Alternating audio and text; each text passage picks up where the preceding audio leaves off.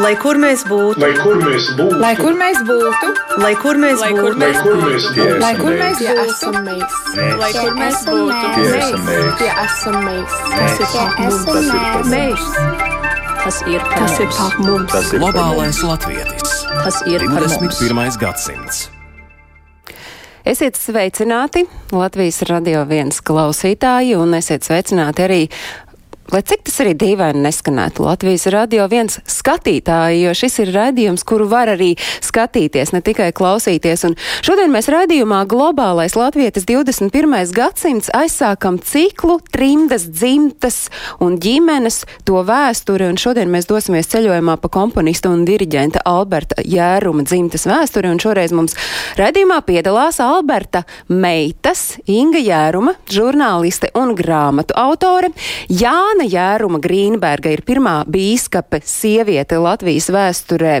Viena no māsām ir dzimusi Latvijā, otra Anglijā, nu un ceļojumā pa Alberta Jēruma dzimtas vēsturi mēs vaicāsim par pēctecību un par cilvēkiem, kuri ar to savu izvēli ir noteikuši būtiskus pavērsienus katra no šodienas raidījuma dalībnieku dzīves ceļā, un arī, protams, kādi ir bijuši tie būtiskie pavērsieni tieši dzimtas ceļos. Un sarunā piedalīsies ne tikai Alberta Jēruma meitas, bet arī Juris Jērums, Jānis un Ingas, kā mēs te noskaidrojam, trešās pakāpes brālēns. Un, kā jau es minēju, šīs raidījums ir ne tikai klausāms klasiskajā radioversijā, bet jūs varat arī raidījumu tiešraidē sekot līdzi, un to varat izdarīt gan Latvijas radio viens mājaslapā, gan arī radio YouTube kontā.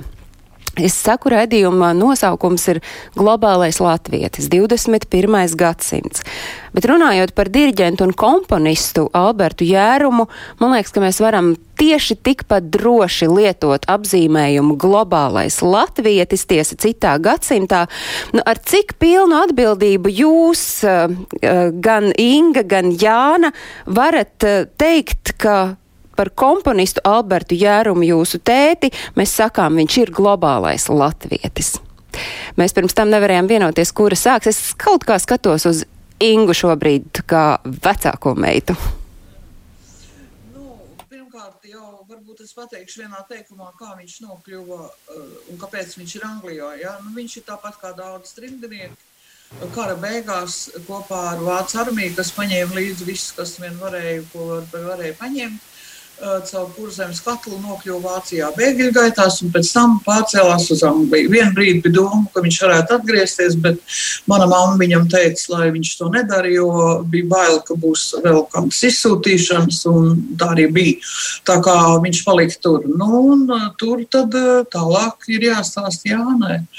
Par, par globālo es varu pateikt, jā, es domāju, ka noteikti par viņu to var teikt, jo viņš tiešām lielā mērā viņa darbība kā diriģentam, kā dziesmu svētku organizētājiem aptvēra eh, daļu, lielu daļu no globus. Jo es saprotu, ja mēs runājam par trimdas sabiedrību, tad mēs uh, nevaram nepieminēt Albertu Jērumu. Kas ir tas, kas viņu padara par tādu uh, sabiedrības, trimdas sabiedrības dvēseli? Ah, nu, jā, tas ir ļoti interesants jautājums. Protams, pirmkārt jau tas ir tas, ka Ingi jau minēja, viņš bija dziesmu svēka rīkotājs, um, dziesmu svēka virsdirigents Anglijā, Vācijā, um, Kanādā, Amerikā un tā tālāk. Viņš, viņ, ta, tas tā bija viena lieta, ko viņš darīja. Um, Bet tas jau saistījās ar daudz ko vairāk. Viņš bija arī komponists un, un diriģēja kori Londonā. Um, rakstīja ļoti daudz par mūziku visos trījus laikrakstos. Um, un vienkārši bija tāds, viņš bija ļoti atpazīstams trījus sabiedrībā. Cilvēki zināja, kas ir Alberts Jērums, jo vai nu viņi bija redzējuši, ka viņš diriģēja, bija dziedājuši korī pie viņa, jeb lasījuši kādu viņa rakstu, ne tikai par mūziku, bet viņš rakstīja ļoti, ļoti foršas feļetonas par, par dzīvi. Um, Un kaut kur arī spēlē lomu tā viņa personība, jo um, es neatceros, kas tas bija, kas man to teica, bet, bet pēc tam, kad tētis nomira, um, bija ļoti daudz cilvēku, kas, bija, kas teica manai mammai, man šausmīgi pietrūkst Alberts, viņš bija mans labākais draugs.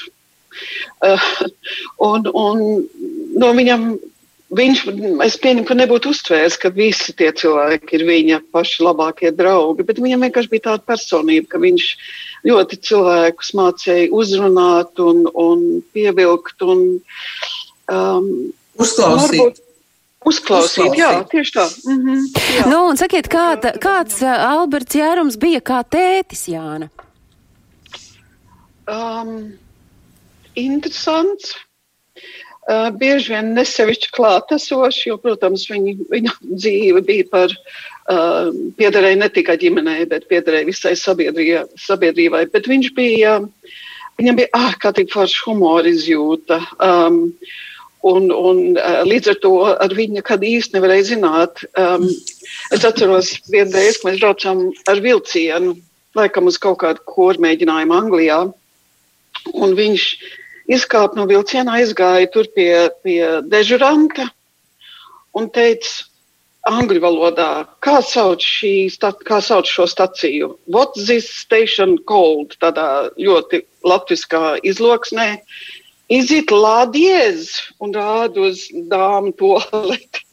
Un tas nav cilvēks, viņam mēģina izskaidrot, ne, ka tā ir Keterina vai Northampton vai kaut kas tamlīdzīgs, un ka tā vienkārši ir dāma toalete, viņš tēlo tādu, tādu vientiesu. Nu, tāda bija dzīve. Te. Bez tam viņš bija krāsaklis. Līdz ar to eh, nu, viņi varēja sagaidīt um, Pilnīgi, tautoniķus. Varēja sagaidīt, ka viņš ieradīsies uz pasākumiem. Tērps visneiedomājamākos variantos, ja mamma nebija pārbaudījusi viņa garderobu, pirms viņš devās no mājas laukā. Tā kā, jā, nu, interesanti mums bija dzīve. Tā dzīve vispār jums ir um, bijusi tāda, ka Jānas vēl nepublicētajā grāmatā, bet kuras manuskriptu mums raidījuma globālais Latvijas 21. gadsimts veidotājiem ir bijusi tā laime pārlapot, protams, neizlasīt. Tur ir tāds teikums, ka jums abām piemīt kopējs jērumeitu gēns, un tas ir sekmīgi spītējis nežēlīgas vēstures kataklizmām, jo jūs, māsas Inga un Jāna, esat uh, augušas katra savā pasaules malā. Inga, jums, uh, jūs piedzimāt, mm, es teikšu, īsu brīdi pirms tētis devās prom no Latvijas, un ko tas nozīmēja jums, jums un jūsu mammai, dēls teātra aktrisei Veltai Krūzei? Nu, jā, attiecībā uz Jānu. Man vienmēr, mans mīļākais rakstnieks, kā droši vien daudziem, ir Eriks Kesners, kopš bērnības. Un tad man liekas, ka mēs tādas divas latiņas esam, ja, kas izšķirtas bijušas visu mūžu. Bet tagad esam kopā. Nu, ko tas nozīmē? Mammai tas pirmkārt nozīmē to, ka 50. gadu kaut kad pašā sākumā viņa tika izsaukt uz uh, drošības komiteju, kur viņai iedeva papīru, lai viņa parakst, ka viņš šķirās. Un uh, teica, jums kā dēls teiksim, uh, aktrisei diez vai šis uzvārds ir vajadzīgs. Nu, man tas nozīmēja arī tad, kad es izvēlējos žurnālistiku. Es tajā brīdī nesapratu to, ka, ka man var kaut kādā veidā uh, kaitēt, nu, teiksim, ja valdošās šķiras acīs tas, ka man ir gan tas uzvārds, gan arī tēvs tāds. Bet, uh, bet tā tas bija. Jā, tā tas bija zināmā mērā. Pirms man pieņēma padomu jaunatnē, piemēram, uh, veselu nedēļu. Pēc tam es uzzināju, ka veselu nedēļu es esmu tā sakot, karājusies gaisā, pa visām instancēm bija viss kaut kas baudīts, vai man atļaus tur strādāt vai nē. Nu, nu tā, un man vajadzēja, man tiešām vajadzēja uzmanīties, bet uh, neraugoties uz to 78. gadā, ka tēvs tom ir pēkšņi. Jā. Neviens negaidīja, ka tas notiks. Uh, Es tomēr domāju, ka man jāmēģina izmantot visas savas iespējas, strādājot redakcijā. uh, Visi blati, tā sakot, ja? Augstās iestādēs un pašai jācīnās, un piecu dienu laikā es dabūju to vīzu. Te ir stāsts mums neticami. jāpaskaidro droši vien klausītājiem, ka 1978. gadā Padomju Savienības pilsonei, kura dzīvo Latvijā, Ingai Jērumai nokļūt uz savu tēta bērēm Londonā, tas bija kaut kas absolūti neticams. Un Mhm. plus es saprotu pareizi, ka tā bija arī jūsu kā māsu satikšanās pirmā. Jā, Tā bija mūsu satikšanās. Tieši tā, tas bija neticami, bet, bet no otras puses, zināma loģika, kāpēc man palaida tur ir, jo es tomēr strādāju tajā padomu jaunatnē, nodaļas vadītāji diezgan augstā tajā brīdī postenī. Un cik tā mums vispār bija to avīžu, jā, jaunatnu cīņa būtībā tā nopietni ņemot. Un, un, un, un tā īsti man nelaist arī viņiem viņi neuzskatīja par laikam iespējamu, jo, nu kā nelaist, nu kāpēc, lai viņi man nelaist, ja viņi man uzticās, ja? Nu, tā es tur nokļūtu. Jā, jā, mēs satikām, to mēs saucam par savu, savu meksikāņu seriālu, jo mēs satikāmies tiešām tajā bērnu dienā, es tiku tikai pēdējā rītā aizlidot, Un, un man aizveda tieši uz krematoriju, kur bija pavadītāji un kur notika pēdējās atvadas. Tad tur es ieraudzīju pirmo reizi māsu dzīvē. Un tā mēs kritām vienotrai ap kaklu, un visi raudāja, un mēs raudājām. Tas bija nu, ļoti, ļoti skaisti vispār. Tas ir Ingas stāsts, Jāna, jūsu stāsts par satikšanos ar māsu. Jā, tas viss. Mēs, mēs par to nesen runājām diezgan ilgi, jo sakarā ar grāmatu un ar atmiņām. Um, un, protams, tas, uh, tad, kad kāds nomirst tā ļoti pēkšņi un negaidīti, uh, tad jau dzīve, dzīve tik šausmīgi augšpēdas apgriezt, ka, ka nekas jau nedarbojās kā normāli. Un tajā kontekstā um, tas, ka mēs pirmo reizi tā īsti pa telefonu runājām, tas bija, tas bija kaut kas Un tad man ienāca prātā arī tas, mēs satiekamies burtiski, kā, kā Inga teica, pie krematorija. Mēs bijām sarakstījušās agrāk. Es biju redzējis Ingas bildes, viņa bija redzējis manas bildes, protams. Bet es sapratu tajā brīdī un arī vēlāk, ka ja es būtu staigājis kaut kur pa ielu un Inga man būtu gājusi garām, es viņu nebūtu atpazinusi, es nebūtu zinājusi, ka tā ir mana māsa. Jo tas, ko tu redzi bildē, un tas, tas kas ir dzīvē, tas jau nekad nav gluži tas pats, kā, un tad tas bija ļoti īpatni, jo um, mums bija trīs nedēļas pamatā no bērnu dienas līdz tam brīdim, ka Ingai bija jābrauc atpakaļ. Um, tās bija tik šausmīgi intensīvas nedēļas, jo mēs jau nezinājām, vai mēs kādreiz vēl tiksimies. Jo visas iespējas jau bija tādas, ka šoreiz Inga ir atbraukusi, bet nekad vairs viņu nelaidīs. Jā, jā, jā. Vai es varēšu uz Latviju aizbraukt? To jau mēs arī nezinājām tajā brīdī. Un tad viss, viss tas mūsu mūžs kopējais mm -hmm. bija tajās trīs nedēļās jāizrunā, jāsagramo. Jā. Mēs līdz vēlām naktas stundām sēdējām, runājām, raudājām, smējāmies. Tas bija mm. neiedomājami intensīvs laiks. Jā, nu, tīri, jā Inga. Nē, neko. Es gribēju teikt, ka toties mēs iemācījāmies uh, visas lietas izrunāt ļoti kompakti un ātri. Un vēlāk, kad, kad jau šajos laikos, kad es jau centos nu, vismaz divreiz, mēnes, divreiz gadā aizbraukt uz Londonu, bija dažreiz tā, ka Jānis man atbrauc pretī uz lidostu. Ja? Un mēs braucām mājās, un tad līdz mājām mēs jau visi bijām izrunājuši. Es teicu, ka nu, es varu lidot atpakaļ, jo viss jau ir skaidrs. Ja? Bet tīri tehniski, nu, ja mēs tā skatāmies pēc papīriem, jūs esat pusmāsas, un tomēr jūsos klausoties, es sadzirdu to, ko es lasīju grāmatā. Nu, ir tas jērummeitu gēns jums. Kā jūs pašas to noraksturot? Kas ir jērummeitu gēns? Jānis teiks, ka tas zods, kas mums visiem ir vienots. Un kas arī jūrim ir jāpaskatās tikai uz jūrim. Un tas, jā, šitas.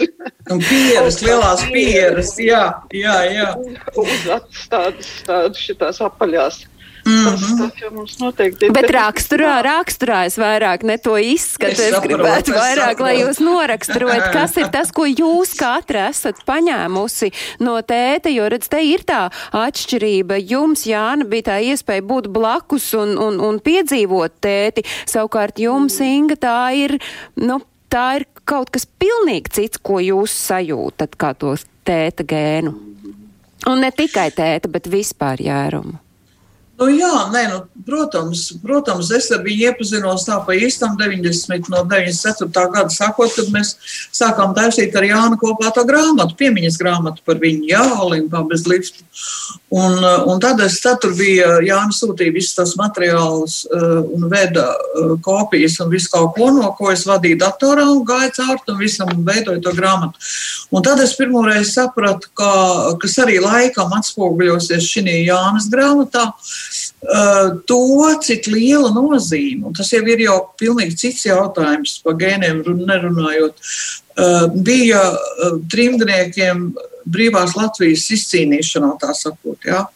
Jo tā likās, ka, nu, labi, jā, viņi tur trimdā, viņiem tur kaut kādas organizācijas, viss jau ir labi, un tas viss ok, bet, bet, bet nu, nu ko, jā, bet nē, nē, tam bija ļoti liela nozīme, un es domāju, ka tādā zināmā mērā kaut kāda tāda vēlēšanās tajās priekšpuspulkos būt un kaut kādā veidā kaut ko ietekmēt, tas varētu būt vien, viens no tā, kas ir tēvam. Ja? Jo viņš jau arī visu dzīvi veltīja būtībā sabiedriskam darbam. Viņa, viņa draugs Stālivalds ķeniņš, kurš pilnīgi citu kaut ko darīja, Eh, Kanādā, ja, un līdz ar to bija arī slavens un, un, un, un profesors augstskolā un viss tam līdzīgi. Viņš teica, tu pa daudz ņemies ar tām latviešu lietām, tu varētu vienkārši sēdēt un komponēt, un tad tas būtu daudz labāk un tā tālāk, ja, bet viņš to neuzskatīja par iespējamu. Jā, nu viņš ir viens no tiem cilvēkiem, kurš bija tādai te trimdas koru apritē tāds spēcīgs balsts un cilvēks, kurš tai, tieši tai latviešu sabiedrībā bija zināms, augsti novērtēts, kaut gan patiesībā iespējams viņš būtu varējis kļūt par uh, populāru, ja es drīkst lietot šādu vārdu, vai zināmu cilvēku arī mītnes zemē un arī ārpus tās robežām. Bet te pieminējām jūra vizuālo līdzību jums, jūrī trešās pakāpes brālēns un arī tā jūsu tikšanās ar, ar, ar māsām jērumām, tas ir tāds arī stāsts, īpaši jau par Jānu, ar, ar tādu par atļaušanos, ja tā drīkstu teikt, bet uh, kur un kā jūs savu saikni ar Albertu Jērumu un ar Jērumu dzimtas turpinātājiem savilkāt, sajutāt? Kā tas notika? Nu, man jāsaka, ka es uh, ar klausījos, ar interesi klausījos par, uh, par jērumu meitām, ja, jo, jo man no trijiem bērniem divas ir meitas, un es tā domāju, tā, nu, tā teikt, kas, kas te nāks ārā. Uh, bet, uh, bet tā, ka uh, vairākas no lietām, ko jūs pieminējāt, man pat tā arī domājot par kaut kādu tādu kopēju identitāti, man viņas īstenībā pievienojas bija pierakstīts. Um, bet uh, par satikšanos ir, ir tā, ka jāsaka, uh, nu, mums, mums visiem ir saikne ar, ar Valkas pilsētu. Un, uh, es pats esmu tur arī dzimis un audzis, un tur dzīvo vecāki un brāļa ģimenes, brāļa bērni un tā tālāk.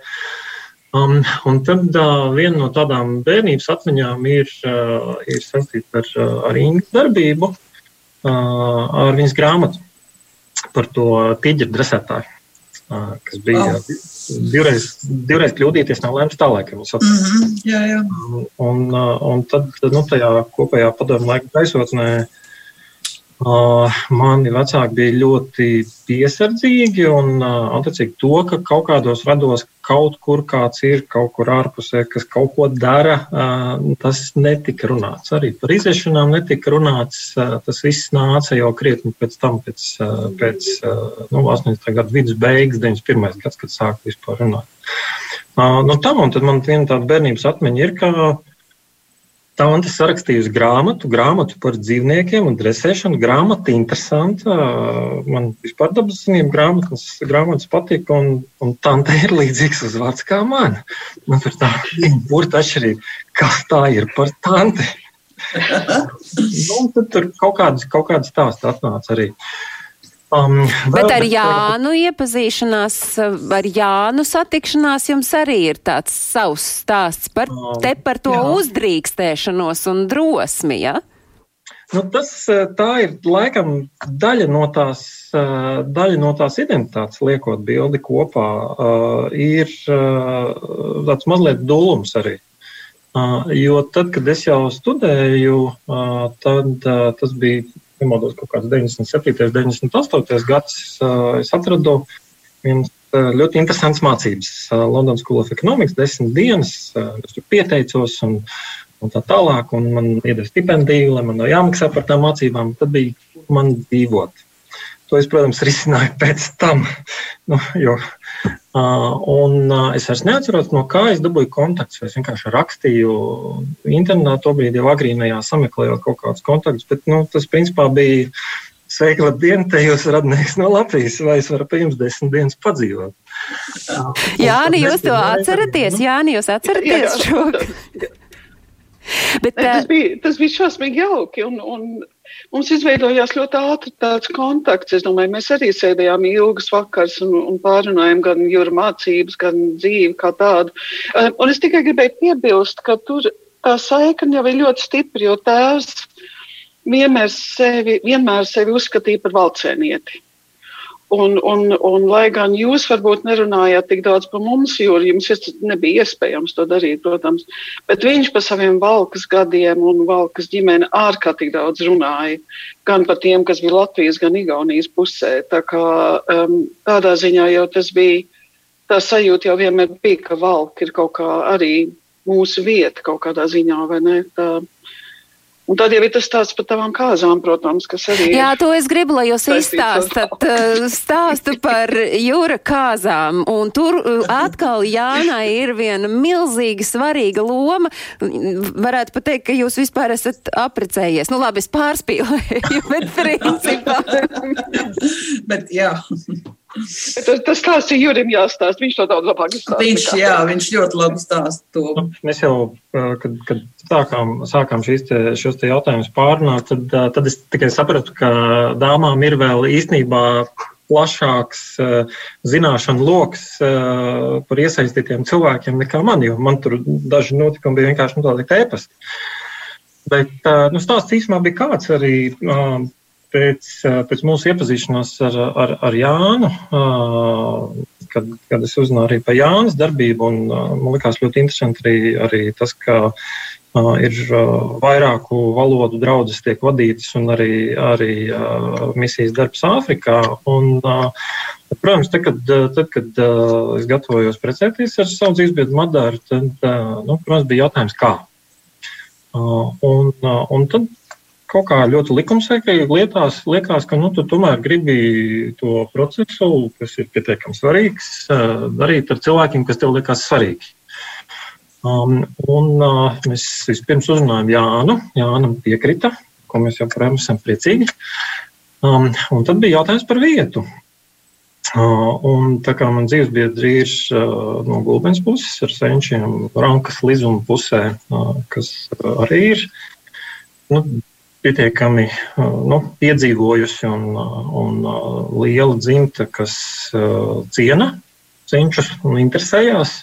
Tad mēs bijām noskatījuši ļoti skaistu baznīcu Velēnā, kur bija dzīvesbiedrs senči precējušies un kristīti un izvadīti tālāk. Un, nu, Jāna mūs gan brīdināja, ka, ka uz tā, tā teikt, lai mēs nepaļaujamies, ka tur tā viss ļoti ātri un, un raiti notiksies. Jo te ir mazliet jāpaskaidro droši vien tiem, kuri neskatās un neredz to, ka kolāra krekls ir mugurā Jānai Jāna. Tā mirklī jūs bijāt mācītāja vai jūs jau Jā, tad Jāna ir mācītāja, un jūs, Jūri, vienkārši ar sievu gribējāt, lai jūsu izvēlētajā dievnamā šeit Latvijā jūs salauzātu Jāna. Un. Precīzi.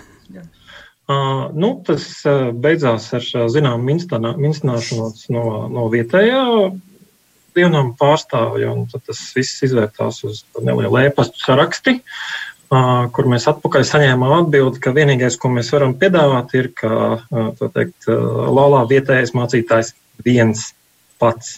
Jo to, ka to varētu darīt divi, tā, to mums jau Jāni pabrīdināja, ka tas būtu pilnīgi pieņemami un, un tā teikt tā.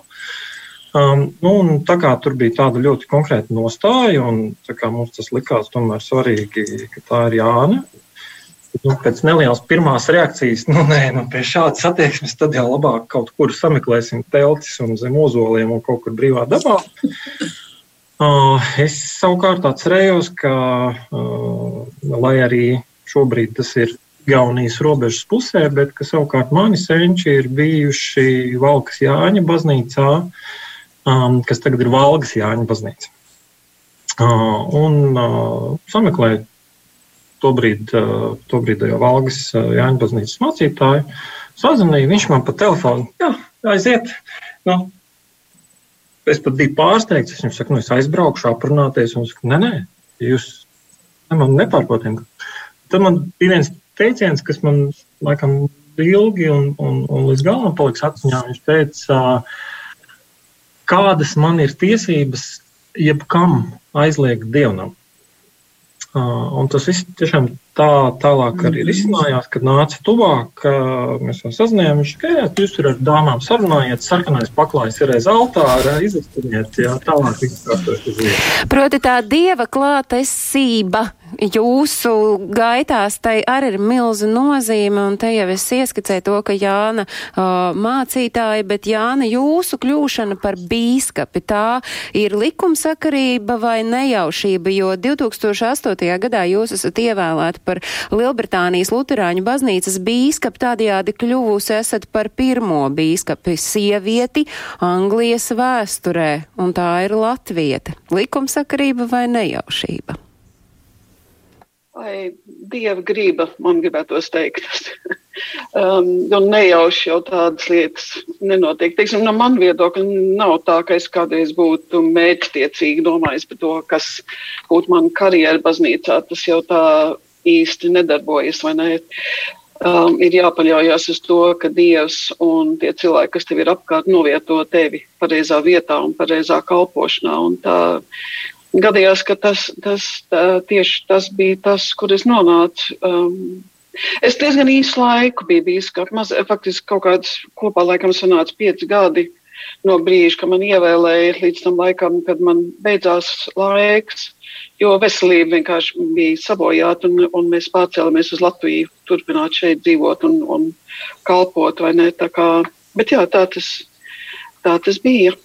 Runājot par to, ka pārcēlāties šobrīd jūs dzīvojat Latvijā un savulaik savukārt dzīvojot Lielbritānijā, tā sajūta, ka nu, tā sirds tomēr visu laiku piederēja Latvijai un tā sajūta jūsos tiešām visu jūsu mūžu ir bijusi, ka tik līdz tas būs iespējams, tad es būšu Latvijā. Protams, jā.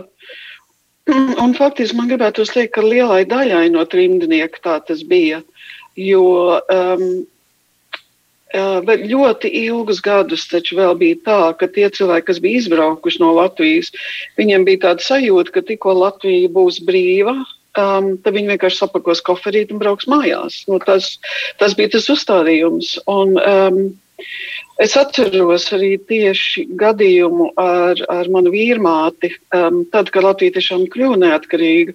Mums bija saruna kaut kādā, tas varēja būt 91. 92. gads kad viņi saprata, ka viņi to neizdarīs, ka, ka tagad viss tomēr ir pa daudz ilgi Anglijā nodzīvots, ka visa ģimene ir tur, ka, ka un nav uz Latviju, kur braukt īsti vairs. Tās viņas vietas jau vairs nepastāvēja. Un es domāju, ka viņai un daudziem tas bija šausmīgs šoks apzināties, ka tas, kas bija uzturējis faktiski cilvēkiem to, to saikni dzimteni, šis, šis sapnis par to, ka nu, tūlīt, tūlīt mēs brauksim mājās, ka tas tā nav un nebūs. Es domāju, tas daudziem bija ļoti, ļoti sāpīgs brīdis. Um, bet jā, mums jau arī tas, tas sapnis vienmēr bija, un, un vienkārši bija tā, ka apstākļi bija tādi, ka mēs nevarējām ātrāk to izdarīt, bet, nu, beidzot, vecumdienās saņēmamies sapakojām koferīšus un atbraucām. Un dzīvojam jau gandrīz septiņus gadus šeit Latvijā. Un Staicela ir tā vieta, kur jūs dzīvojat, un tam atkal mm -hmm. ir saistība ar māsu. Mm -hmm, tieši tā.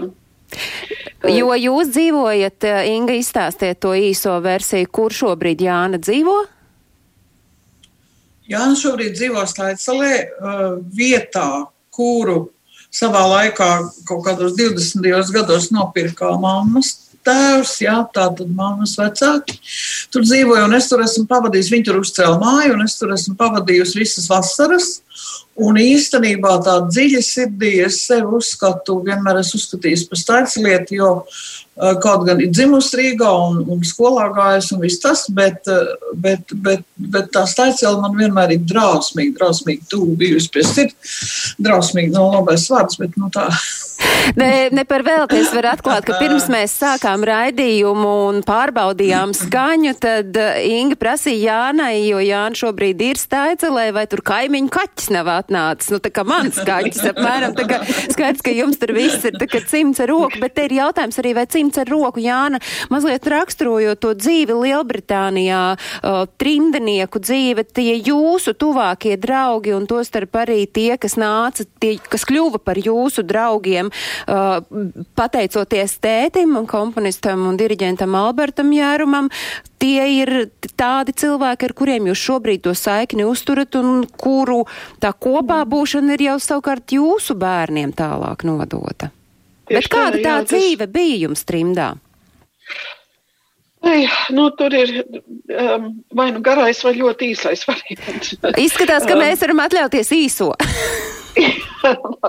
Īsais variants ir tāds, ka um, pamatā mums ar vīru un arī faktiski mūsu meitām uh, ļoti lielā mērā dzīve tomēr bija latviešu vidū un latviskā vidē. Tā tas vienkārši bija. Maniem vecākiem faktiski nebija nevienu angļu draugu. Um, pa visiem tiem gadiem, kad viņi dzīvoja Anglijā, um, bija kaut kāda paziņas, bet nebija neviena angļu drauga. Viss bija, bija, bija centrēts ap latviešu sabiedrību un ap to saglabāt latvietību, saglabāt sevi kā latviešu, saglabāt bērnus kā latviešu, mācīt latviešu valodu un tā tālāk. Um, un tas, jau, tas, tas jau bija tas, kas tas bija. Un, un arī tas, um, ka trimda sabiedrība bija ārkārtīgi bagāta. Mēs jau bijām. Um, tas arī ir tāds dieva brīnums, man liekas, ka mums varēja būt tik daudz baznīcu un tik daudz um, fantastisku mūziķu un rakstnieku un dzēnieku un mākslinieku. Tā, tā bija tiešām ļoti bagāta pasaule, kas mums, kas mums bija. Un kas daļai, protams, tagad ir atgriezusies šeit. Daļai nav, bet daļai ir arī šeit pazīstama un zināma. Tā kā tēvam bija tas vadmotīvs, rīkojot dziesmu svētkus. Viņa galvenais motīvs bija saglabāt vienu paudzi Latvijai. Um, tas viņam izdevās. Un kā ir ar jūsu meitām? Jums ir divas meitas, Jāna, Laila un Anna, ko jūs saucat par Ancīti, bet viņas ir arī radījušas grupu un viņas dzied kopā savukārt ar Lilijas Zobens meitām, savukārt Lilijas Zobens, jūsu tēva skolniec un arī zināmā mērā darba turpinātāji, te viss kaut kā savies, ka ne tikai viena paudze, vai ne? Jā, tieši tā, tas, tas tieši tā ir. Um, jā, viņam ir sava grupa Austrumkalns, kas ir tāds savienojums no uh, Līnītas un Andriņas uzvārda īsts angļu valoda austrums un Grīnbergs, kas ir kalns, tātad tas ir Austrumkalns, tāpēc. Jā, un, un tas kaut kur, viņiem ir atkal bijis cits uzstādījums, un to varbūt jums citā raidījumā būs iespējams iztirzāt, bet es domāju, ka mūsu bērnu paudzi ir, viņi dzīvo tādu liminālu dzīvi, kas nav gluži, viņi vairs nav gluži tik iesaistīti ar latviešiem, varbūt, um, bet viņi nav arī gluži angļi. Tā kā viņi, viņi ir tādi kaut kur, kaut kur pa vidu, ne, dzīvo. Un es, es zinu, ka manām meitām ļoti daudz ir tādu draugu, kas ir vai nu no citām valstīm, jeb arī kaut kādā veidā negluži simtprocentīgi daļa no sabiedrības. Tā kā, um, tā, tas, ir, tas ir interesanti. Tas ir tā, tā ļoti radoša vide, kur sanāk kopā vairākas kultūras un vairāk. Tā, um, teiksim, vairāk dzīves, pieredze, vairākas dzīves pieredzes. Tas veido ļoti bagātīgu kultūru, man liekas. Tā kā, Austrum koku es varu atklāt klausītājiem, mēs šodien dzirdēsim pašā redzījuma noslēgumā, un arī jums tas būs kā tāds uh, mazs, malks. Uh, pilnīgi kā cita, bet uh, runājot par jūsu dzimtu, par jērumiem, es vienu ļoti īso versiju gribētu dzirdēt, kāpēc, Jūri, jūs esat jērums un māsas ir jērumas, kur jūs to e pazaudējāt? Tas ir nu, birokrātijas tā. līkločos kaut kur pazudis. Īsi sakot, jā, jo tā versija, ko es esmu ar savu tēvu un viņa brāļiem runājot, jau tas ir kaut kur mūsu, mūsu darā aizgājis, jo man no tēva brāļiem ir, ir arī jau šajā paudzē, ir ar garo, ir ar īso. Bet tā ir kādreizējā rakstība, jerum vai jeh, rumts ar h. Un tad šī tā danāšanās starp vācu valodu un krievu valodu un, un, un turp un atpakaļ, un tas viss ir beidzies šādā, šādā vīzē.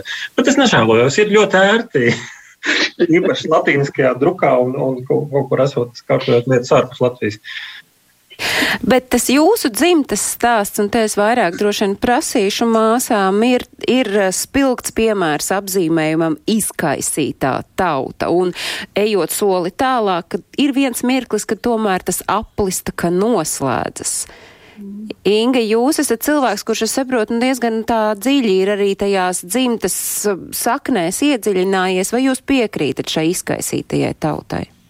Uh, jā, nu, protams, jo man jau arī mātes brālis ir uh, Kanādā bija, jā, tagad jau miris, bet tur ir vēl viens brālēns palicis, es esmu bijusi tur vairāk kārt pie viņiem, kā tur man arī, arī tā, tā daļa no dzimtas bija. Bet es gribu pateikt kaut ko citu, es gribu piebilst pie, par Jānu vēl pateikt dažas lietas. Nu, pirmkārt jau, ja, ja mēs runājam par to apli, ja, kas beigās savienojās, tad es dzīvoju Jānas vectēvu pirktā mājā Rīgā, Mierielā. Un Jānis dzīvo manu vectēvu, uz manu vectēvu zemes, tā sakot. Ja? Tas ir viens.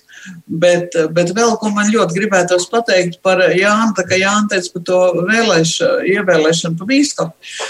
Ja Jāna kaut kur pagrozās kaut kādā sabiedrībā mazliet ilgāk, ja, Un, ja tur notiek vēlēšanas, nu, viņi obligāti būs tā, ko ievēlēs. Tāpēc, ka viņi rāda kaut kādu tādu iespēju, ka, nu, kurš cits, ja ne viņi, ja, un nevelti viņi ir arī sieviešu teoloģi. Protams, ka tā kompānija sanāca kopā. Pirmais skats bija uz Jānu.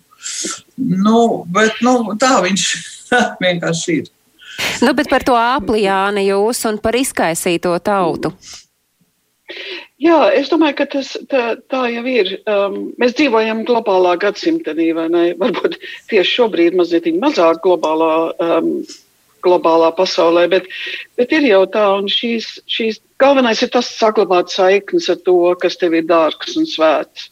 Tas jau ir pats svarīgākais. Tad no vienas puses tas nav tik būtiski, vai tu esi Balkā vai Rīgā vai Londonā vai kā mūsu vēl viens brālēns Nikolais, kas kas bija ārsts Dienvidamerikā, bet viņš sev vienalga uzskatīja par, par latviešu, par valcēnietu. Un, un tas vienkārši galvenais ir saglabāt to saikni, jo bez tās mēs pazūdām un grimstam.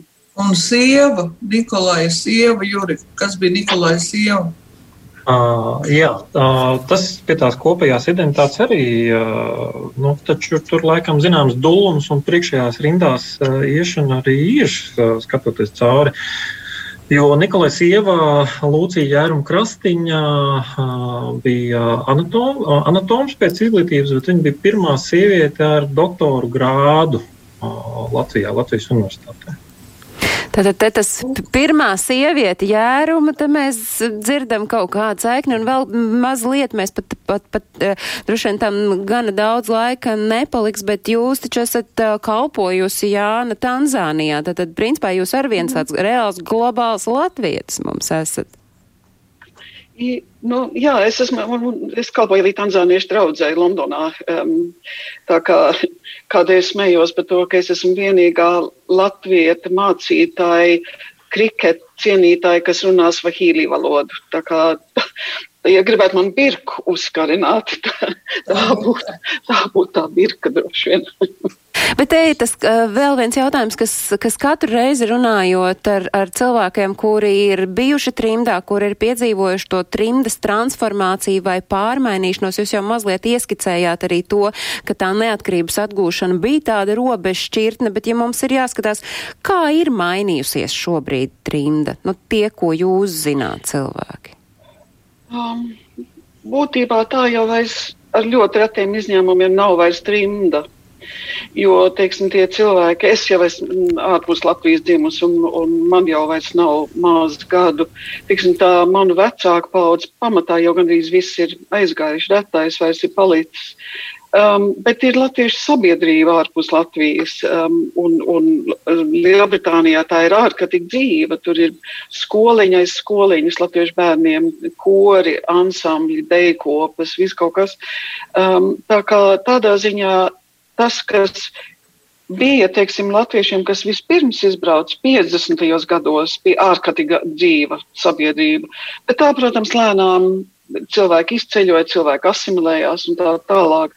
Bet tagad ir atgriezies gandrīz tas 50. gadu stāvoklis, ka ir ļoti daudz um, latviešu paš, nu, pašnodar, paš, pašdarbības, atvainojas, pašdarbības ansambļi um, un, un notikumi un pasākumi Lielbritānijā, kas ir no vienas puses skaisti, atkal tā ir tāda saiknes saglabāšana. Manē.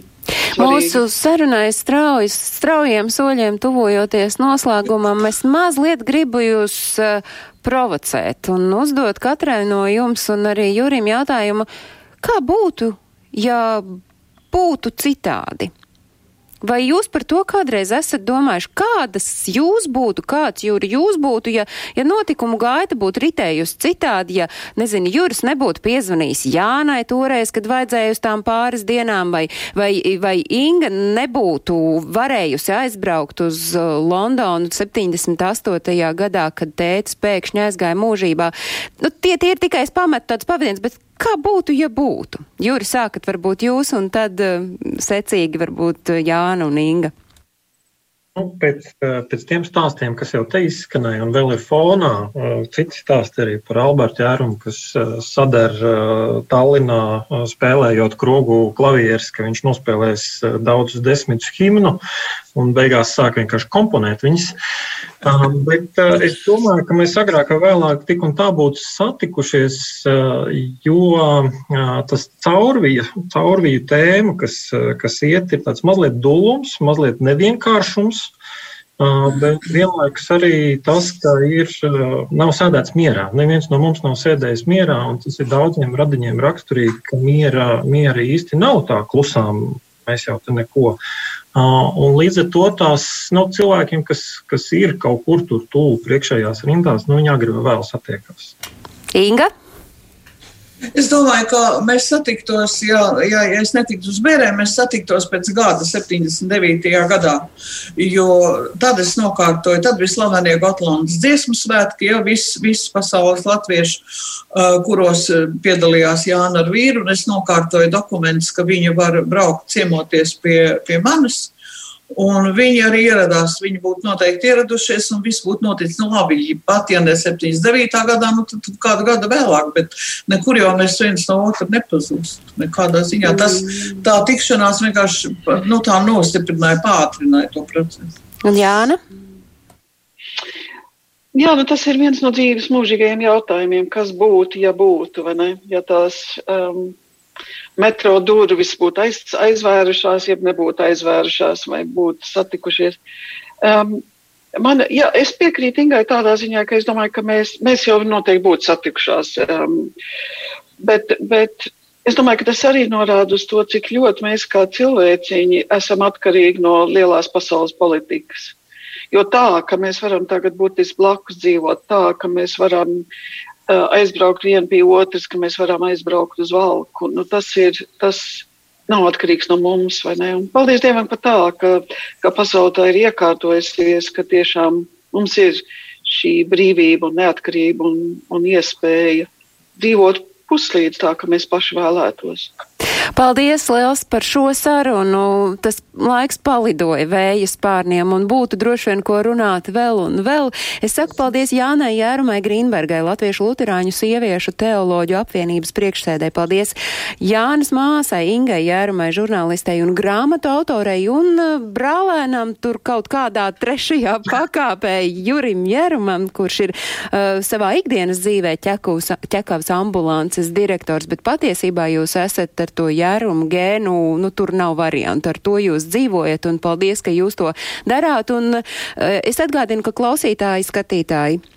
Visus notikumus, kas ir saistīti ar uh, latviešiem, kuri dzīvo ārpus Latvijas, jūs varat meklēt portālā latviešu.com. Tur ir notikumu kalendārs, un tur arī ir mūsu raidījums skatāms, un raidījumam skan arī atkārtojums katru svētdienu.